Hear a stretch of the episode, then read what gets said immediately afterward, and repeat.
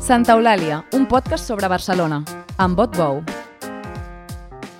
La periodista Júlia Bacardit acaba de publicar un dietari sentimental amb l'editorial Medusa, en què narra la seva vida amorosa i la posa al centre, però de fons sempre hi ha Barcelona i, sobretot, la gent que hi viu i com s'hi comporta. És un dietari transparent, ben escrit, que no amaga les coses per vergonya i que parla sense embuts i sense ornaments sobre com és la vida en aquesta ciutat amb 30 anys. Bacardit és una gran observadora i parlem tot seguit a Santa Eulàlia. Júlia Bacardit, benvinguda a Santa Eulàlia. Gràcies, Otbou. Escolta, per començar parlant de la teva relació amb Barcelona i del, i del teu sentiment de pertinença a la ciutat, diguem-ne, que és una cosa que en, en alguns moments més centralment i en altres moments més tangencialment, però va apareixent tot al llarg del dietari, eh, hi ha un moment que, um, a propòsit de, de la novel·la de l'Anna Pacheco, uh, Listes guapes límpies, escrius com que és la protagonista, uh, jo també he sentit l'ofec d'un lloc petit, de la vida senzilla que no aspira a grans aventures i també he sentit aquell punt d'enveja per les persones que es conformen a ser felices, que no pensen que per ser feliç els calgui sortir de cap bombolla ni triar on pertanyen. Um, clar, això a, a, a molta gent de poble ens passa al poble. A, tu, quan, quan parles d'això, uh, estàs pensant en un poble o estàs pensant en Barcelona? Estic pensant en Sant Andreu del Palomar, que és el barri de l'Anna Pacheco i el meu. Bé, l'Anna Pacheco és de Bon Pastor originàriament, però el, el, el seu barri de socialització és Sant Andreu perquè és on va estudiar i és el barri on també jo vaig estudiar i vaig néixer i créixer.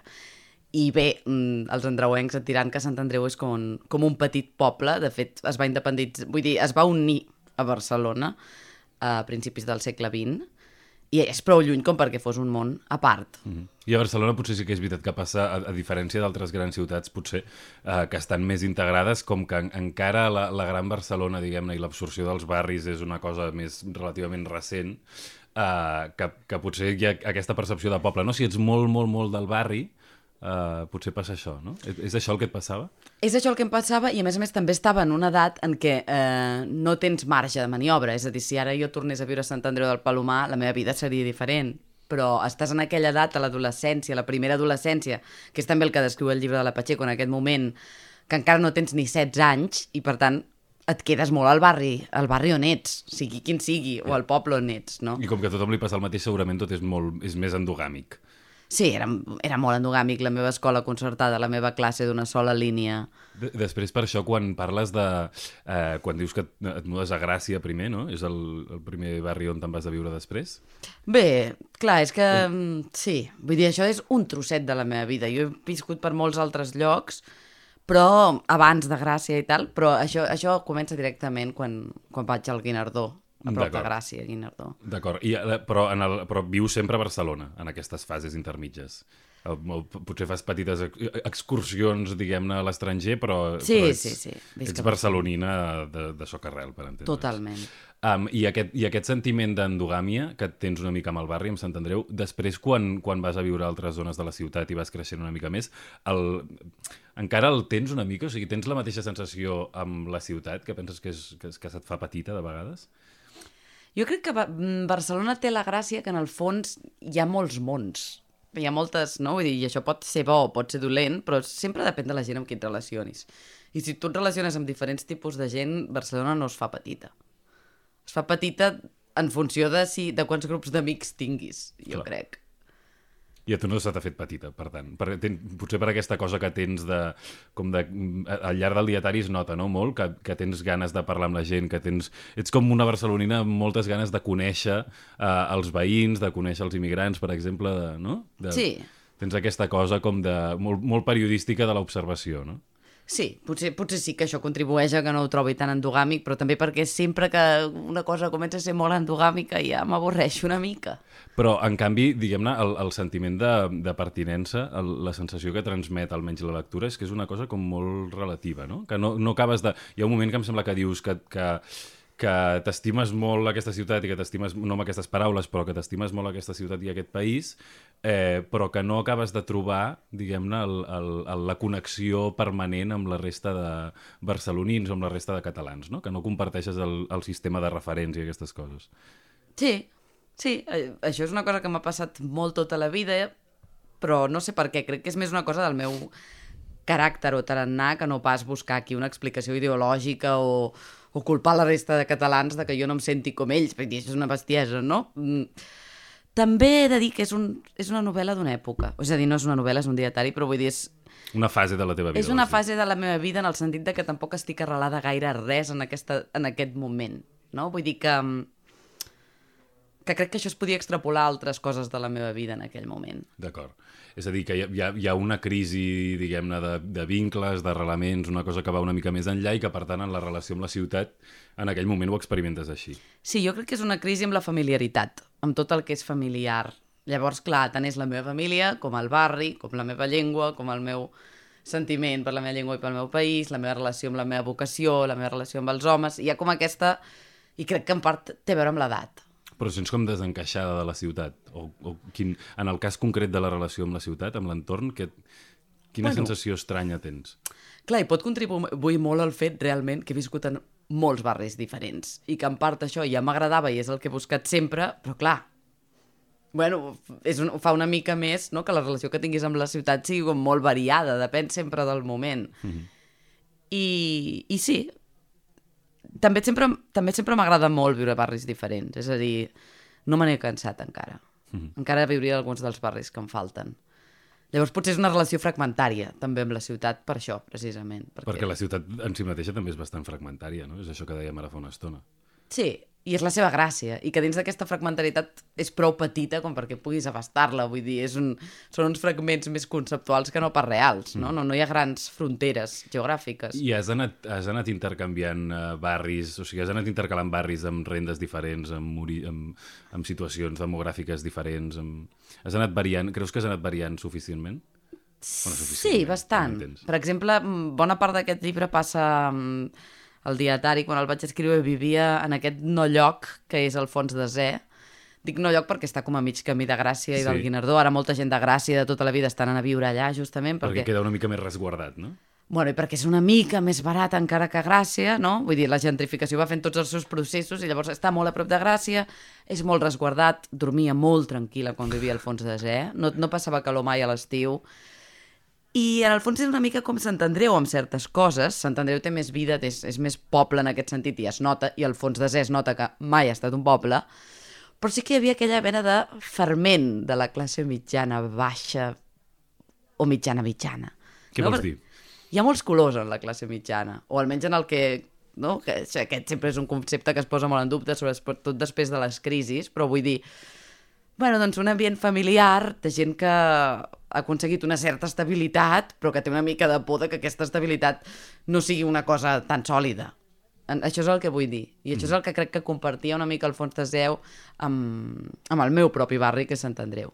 D'acord. I amb altres barris de Barcelona, per exemple, aquesta sensació, evidentment, en barris amb una mica més de poder adquisitiu, per exemple, eh, la, la seguretat es palpa més, no la seguretat eh, com a vianant, eh, diguem-ne, sinó la seguretat, el confort amb la vida eh, es palpa més a, a l'hora de relacionar-te amb el barri, vols dir. Bueno, és diferent, és diferent. L'altre dia passava per Francesc Macià, vaig anar a Catalunya Ràdio, mm. I clar, em va sobtar tota la gent que estava prenent cafès allà a la plaça. Que en el fons no és especialment bonica en el sentit de que hi ha molts cotxes, però tot i així, doncs bueno, entenc que tinguis l'hàbit d'anar a fer el cafè a Francesc Macià i que hi vagis, no? I, I sí, sí que em vaig fixar en la manera d'estar de la gent. I em vaig adonar que jo no havia fet mai un cafè a Francesc Macià. A veure, me'l puc permetre perfectament un cafè a Francesc Macià, no? Però són, són les dinàmiques amb els llocs que vas. I, per exemple, al centre la cosa és diferent. Al centre hi ha molta més barreja, no? Vull dir, tant quan he viscut al costat del, del portal de l'Àngel com ara al Raval, bueno, també, també l'un i l'altre són diferents, però vull dir, hi ha diferents eh, poders adquisitius, hi ha des de la pobresa total fins a la persona que té bastants calés, però prefereix viure al centre, no? Vull dir, sí, clar, evidentment, la classe defineix un lloc. Mm -hmm. L'aire que s'hi respira, l'ambient que s'hi respira. El, a, aquesta, aquesta barreja, és a dir, aquest, aquest sentiment de, de fragmentació i aquesta barreja que només es produeix en certs punts, eh, a tu t'ha fet pensar que, que mm, t'ha fet demanar-te com a barcelonina eh, si no era que els barcelonins vivim molt d'esquena eh, els uns als altres, molt, molt en, en petites bombolles, és a dir, això de, de Sant Andreu de Palomar que dius al principi, si, si no és una cosa com molt, que ens costa molt de superar, perquè no tots els barcelonins van saltant de barri a barri i poden haver passat l'experiència d'haver viscut eh, sí. en Alfons X i a, i a Sant Andreu del Palomar i a Gràcia i a no sé on més, no? Sí, bueno, clar, de fet a Sant Andreu és típic que la gent d'entrada, ara comença la gent a anar-hi perquè clar, veuen que s'està bé, però diguin, quina mandra anar fins a tan lluny, allà confonen, no acaben d'entendre ben bé com és Sant Andreu, perquè com que més està molt a prop de Nou Barris i de Bon Pastor, ho associen a una classe baixa-baixa. I, I no ha estat mai veritat, això. Hi ha no? uns codis molt diferents, no? Totalment diferents, tot i que no són rics, no? Vull dir, de rics n'hi pot haver tot arreu, com de pobres, però la majoria de la gent no, de Sant Andreu doncs, té, té aquesta cosa de la classe mitjana, que de fet la gent de nou barris, de Roquetes, jo tinc algun amic que, que ha crescut a Roquetes, el somni d'ascens social era cap a Sant Andreu. Però això algú de Gràcia li pot costar d'entendre. O algú de l'Eixample. No entenen aquest matís, no? I sospito que també passa amb els altres barris en general. Mm -hmm. Sí, sí que hi ha una desconnexió. Ah, també parles molt de la, de la cosa aquesta... Així com no tens un sentiment de pertinença, sí que parles molt de la por com de la pèrdua de la identitat, de la pèrdua de la llengua, de, que, com que és una cosa que respires molt en el teu dia a dia amb la ciutat, no? Això encara ho sents avui? O ho sents més que abans? Ho sento més que abans. Amb què ho sents, per exemple? Amb, que, amb quines situacions ho notes? Ho sento només amb la llengua, perquè és l'únic que m'importa, realment. Vull dir que la diversitat hi és a tot arreu i forma part de la globalització, però... però amb la llengua sí que ho sento. Amb I els comerços, amb les botigues, amb el... o, o, o és una cosa més transversal, més de fons? Amb els comerços, amb, amb la llengua que parlen els joves, els nens, penso... Uf, que malament ho tenim. Només escoltant els més joves, no? No tota l'estona, però, però sí, sí. Mm -hmm. Sí que ho sento. Em, uh, de tota manera, al, al final del dietari hi ha un moment que escrius, uh, que quan estàs a Beirut escrius no m'havia passat mai d'anar de viatge i trobar falta a casa meva. Sempre havia pensat que l'enyorança és cosa dels emigrants o dels viatgers pobres d'esperits. Casa és a tot arreu, és com mires les coses, és, la, és en la bondat dels estranys, és en les olors poc habituals i en totes les rutines infinites que podria desplegar per cada lloc possible, per cada possible lloc del món on visques. Eh, el, el, el, transmet molt això al dietari, que estàs com molt oberta que Barcelona serà, una, serà el que decideixin els veïns que sigui, no? Que no hi ha... O sigui, que així com sí que tens el, el, la preocupació aquesta per la llengua, i a, a mi, no, bueno, ara, ara m'ho explicaràs millor, però a mi sí que m'ha semblat que hi havia com una part d'identitat, no? Com una part de, no ho sé, de la, dels avis, parles d'un manuscrit eh, d'una novel·la que t'estàs llegint eh, sobre un autor que recorda la, que enyora la Barcelona franquista i et, i et com remou per dins, no?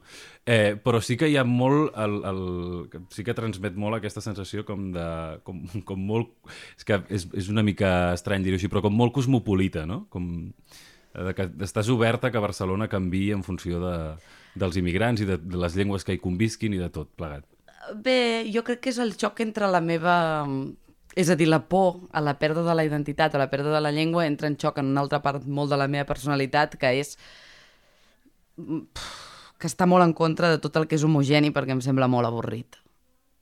En general, però no, saps? És a dir, quan jo escric això de Beirut i de que cases a tot arreu, en aquell moment no estava pensant en Barcelona ni en Beirut, estava pensant més en, en jo davant del món, és a dir, en, en, en com em sento quan em moc, com m'agrada moure'n perquè m'agrada sentir que casa pot ser a diferents llocs en funció de com jo em relacioni amb l'espai. Mm -hmm. Però això ja no anava sobre Barcelona, anava en general. I és constant aquesta contradicció entre voler ser universal i, i voler ser ultralocal. Però clar que això és Catalunya, en una paraula. És, és, és constant en tu, vols dir, la sensació aquesta? Sí.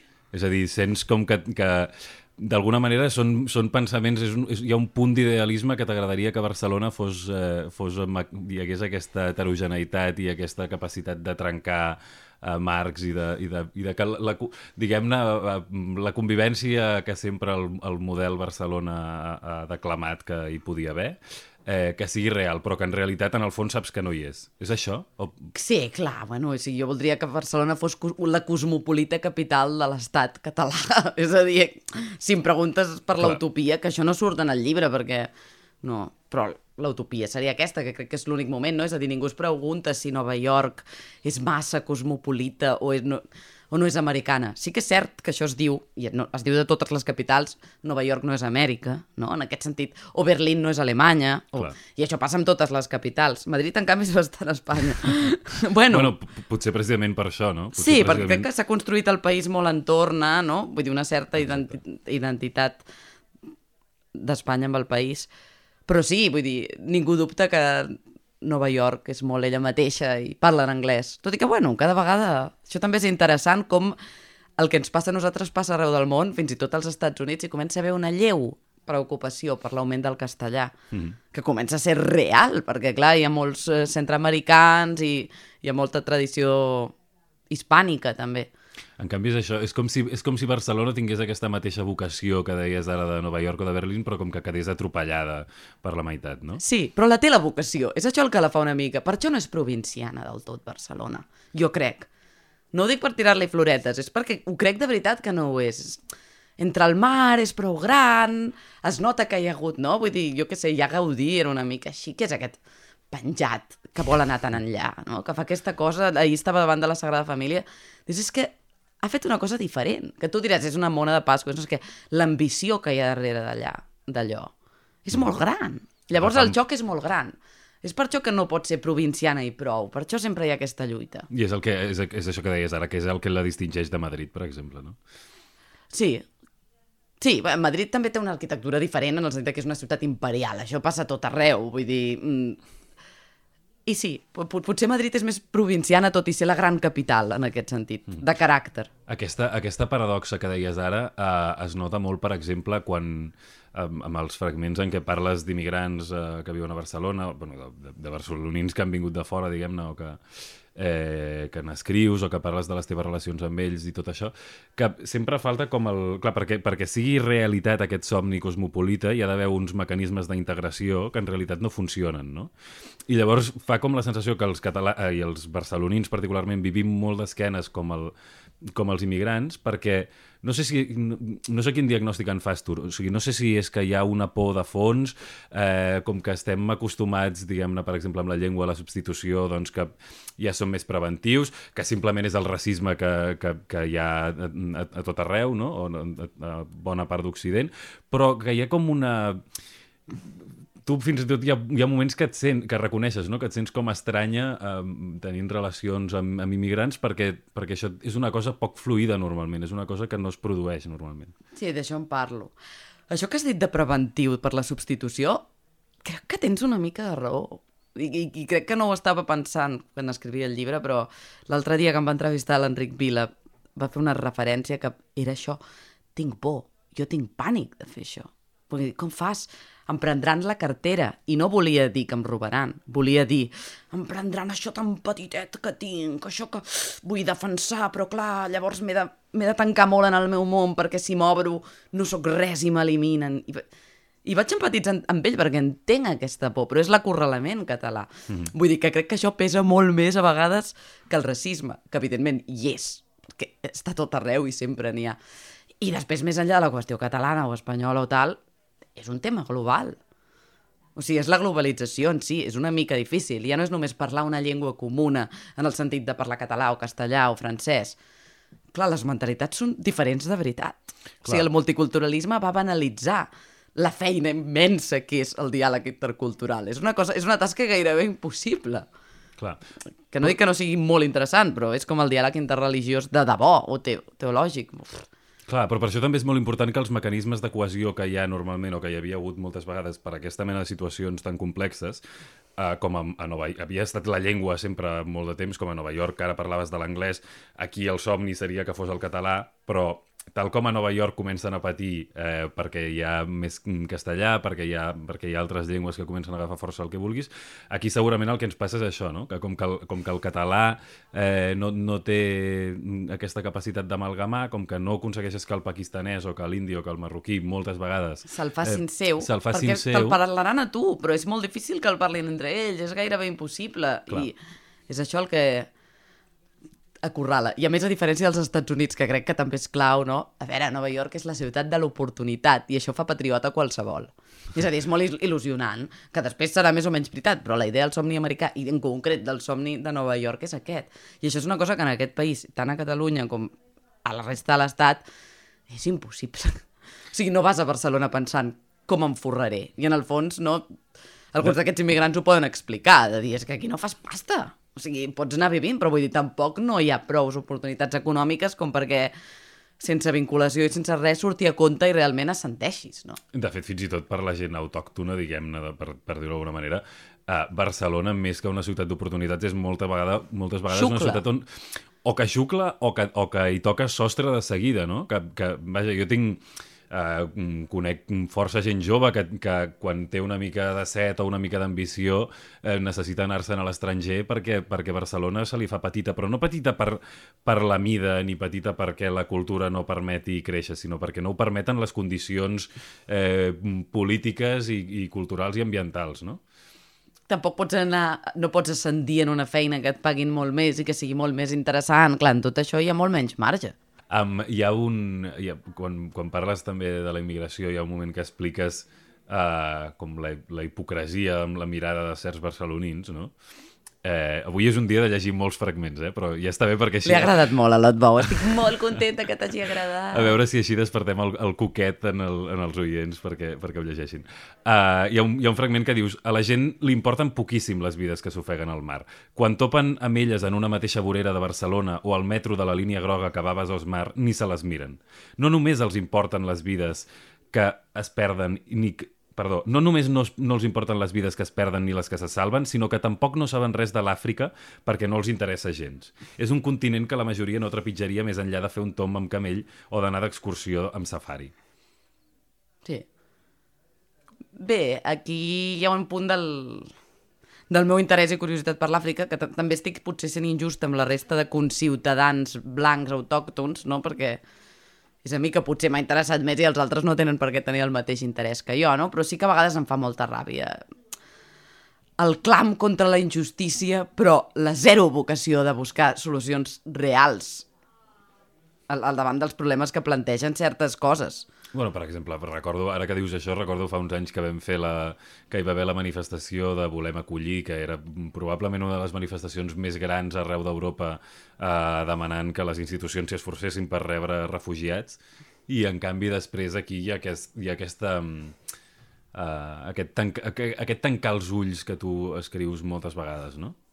Sí, clar, això va ser amb la guerra de Síria, no? Amb la, sí. amb la onada dels refugiats. Sí, és que, clar, costa molt de parlar d'això, però, clar, quan, quan algú d'ultradret et diu però que els acullin a casa seva, segur que no ho farien, no? Doncs, pues, clar, és veritat, la majoria segur que no ho fan. I va haver... Al punt avui van treure el cas d'un home que sí que ho havia fet, que era, era una, una història molt bonica, perquè era un home vidu que s'havia posat uns quants d'aquests gambians, senegalesos, no?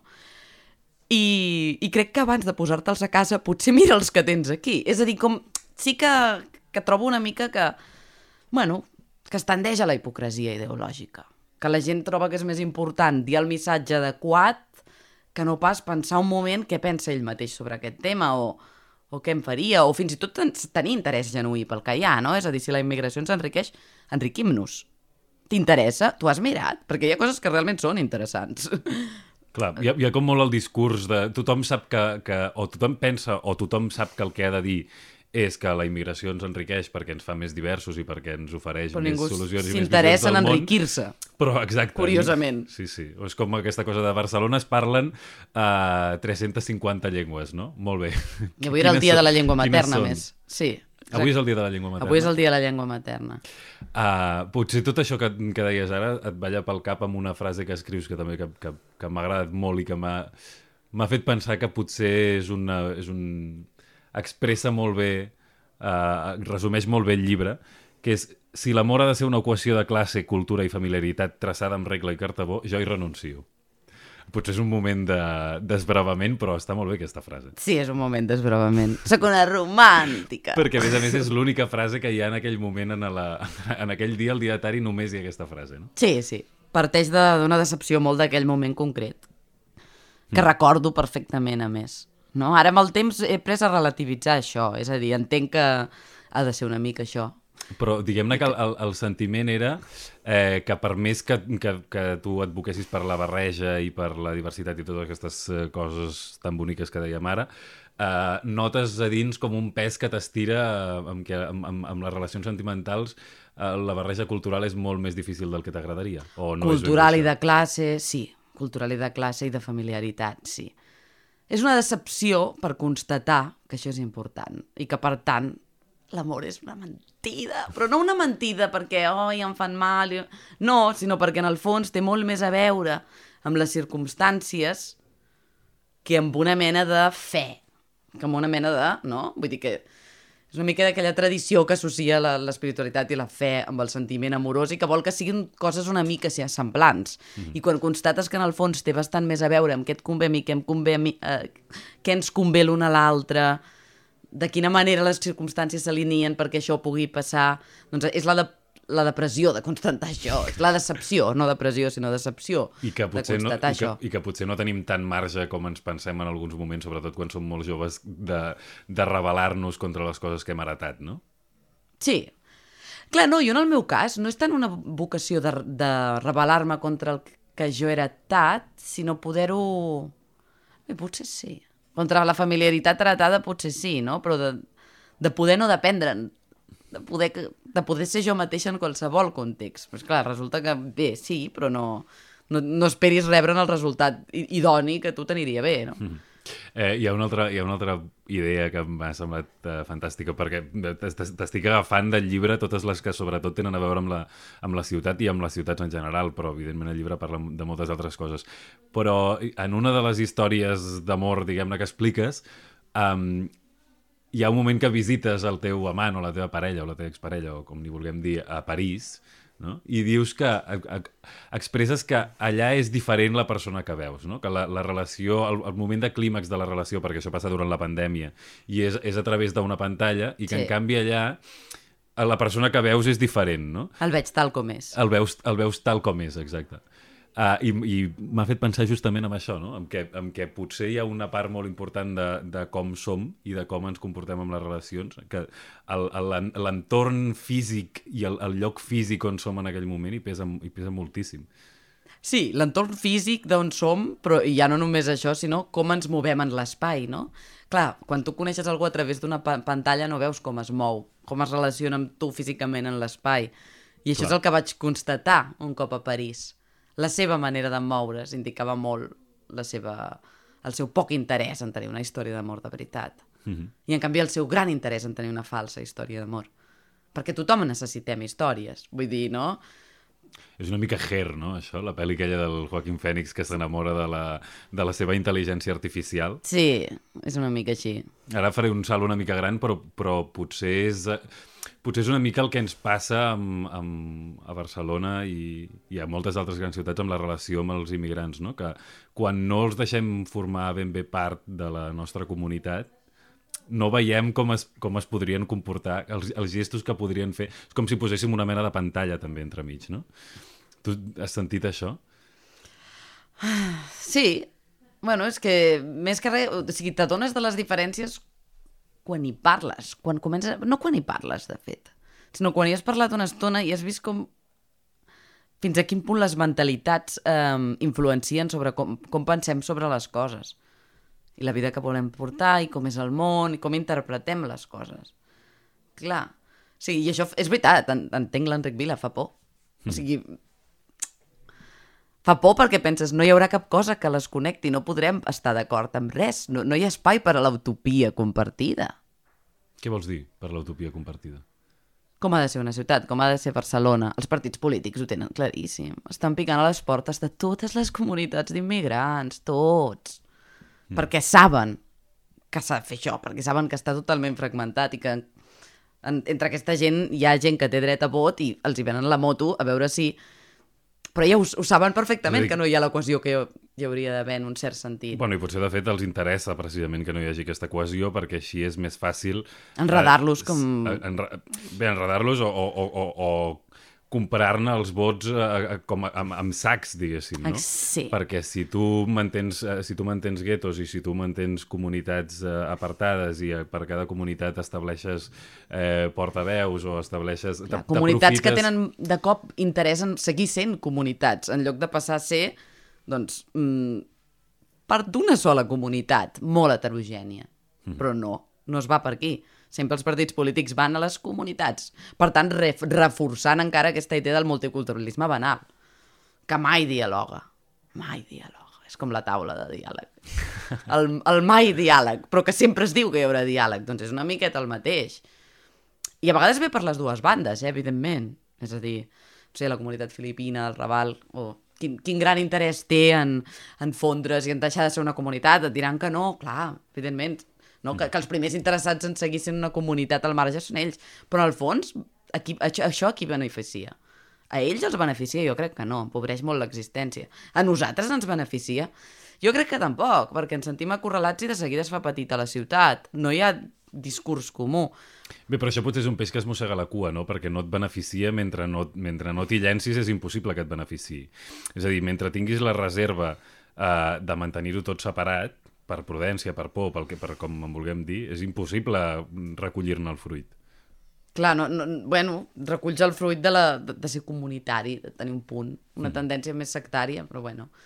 Doncs, com dèiem al, al començament de tot, eh, són reflexions que, que pots extreure de la lectura d'un dietari sentimental de la Júlia Bacardit, eh, tot i que efectivament és, és, és veritat que és un dietari sentimental i a més a més un dietari sentimental dels que costen de trobar avui en, en literatura a Catalunya, a Catalunya eh, que és, és, és molt autèntic i molt, i molt descarnat.